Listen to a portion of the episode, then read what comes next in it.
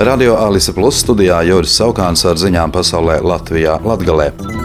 Francijā šodien gaidām kārtējie protesti pret pensiju sistēmas reformu. Tiesa gan demonstrantu skaits domājams būs krietni mazāks nekā protestu kulminācijā martā. Policija sagaidīja, ka demonstrācijās piedalīsies no 4 līdz 600 tūkstoši cilvēku. Tas ir divas vai pat trīs reizes mazāk nekā pagājušajā mēnesī.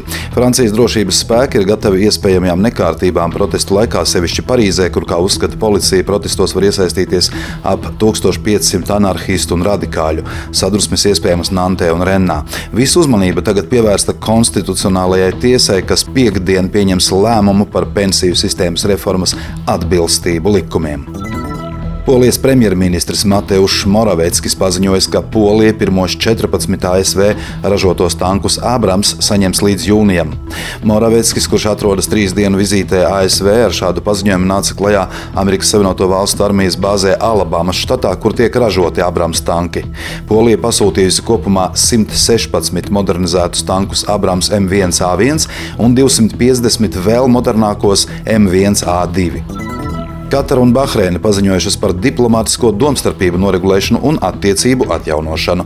Vienošanās par samierināšanos tika panākta Līča sadarbības padomes birojā Saūda Arābijā. Ziemeļkoreja šodien no rīta izšāva balistisko raķeti, kas pamudināja Japānu brīdināt valsts ziemeļu salas Hokkaido iedzīvotājus meklēt patvērumu.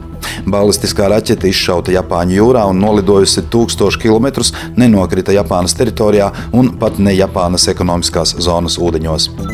Valsts finansiālā palīdzība pašvaldībām bēgļu uzturēšanai no Ukrainas ir krietni sarukusi, jo samazinās arī Latvijas reģionā dzīvojošo ukraiņu bēgļu skaits. Ja Reizeknas novadā reģistrētais maksimālais bēgļu skaits bija 515 cilvēki, tad palikuši 134. Daugoplī, kur bēgļu skaits bija sasniedzis 600, tagad ir 156. Laikā no pagājušā gada maija līdz šā gada janvārim ieskaitot, Daugopils no valsts budžeta bēgļu uzturēšanai saņēma 3,1 miljonu eiro, ēdināšanai, izmitināšanai, sociālajiem pabalstiem un citiem izdevumiem, kas saistīti ar bēgļu uzņemšanu. Lielākie izdevumi bija pagājušā gada otrajā pusē, kad cilvēki aktīvāk bēga no kara uz Daugopili. Vasara bija kulminācija, kad pilsētā atradās vairāk nekā 600 cilvēku. Kā norāda Ukrāņu bēgļu lietu koordinators Mārtiņš Ruļuks, šobrīd Daugopilī ir aptuveni 156 bēgļi, kuri tiek izmitināti ar pašpārvaldes atbalstu. Tendence ir tāda, ka viņi dodas atpakaļ uz Ukrajinu, bet, protams, joprojām ir arī cilvēki, kas pilsētā ierodas. Daugopils gaida pārskaitījumu no valsts šā gada izdevumu sekšanai, tie ir nedaudz vairāk par pusmiljonu eiro. Jaunie pasažieru elektrovilcieni varētu sākt kursēt šā gada augustā, izteicies satiksmes ministrs Jānis Vitsenbergs. Šobrīd Latvijai ir piegādāti deviņi elektrovilcieni. Martā maršrutā Rīga aizkraukla tika testēti četri importētie vilcieni, trīs no tiem tika pārbaudīti tukši, ceturto piekrāva ar smilšu maisiem, kas imitēja 890 pasažieru svaru. Pārējos elektrovilcienos notiek regulēšanas darbi. Katrs elektriskais vilciens sastāv no četriem vagoniem, viena elektriskā vilciena garums ir 109 metri ar sēdvietām 436 pasažieriem un stāvvietām vēl 454 pasažieriem. Plānots, ka jaunie vilcieni kursēs aizkrauklis Tukuma, Saulkrastu un Jelgavas virzienā.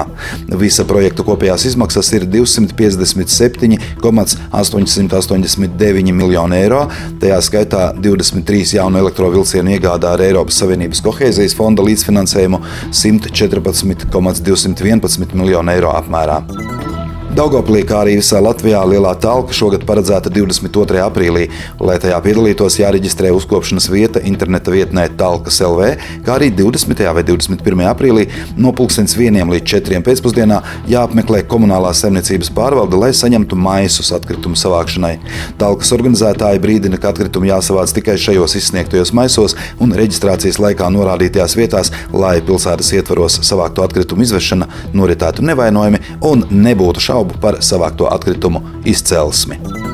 Ziņu apskatu pasaulē Latvijā Latvijā veidoja Radio Alise Plus informācijas un ziņu dienests. Radio Alise Plus studijā bija Juris Saukāns.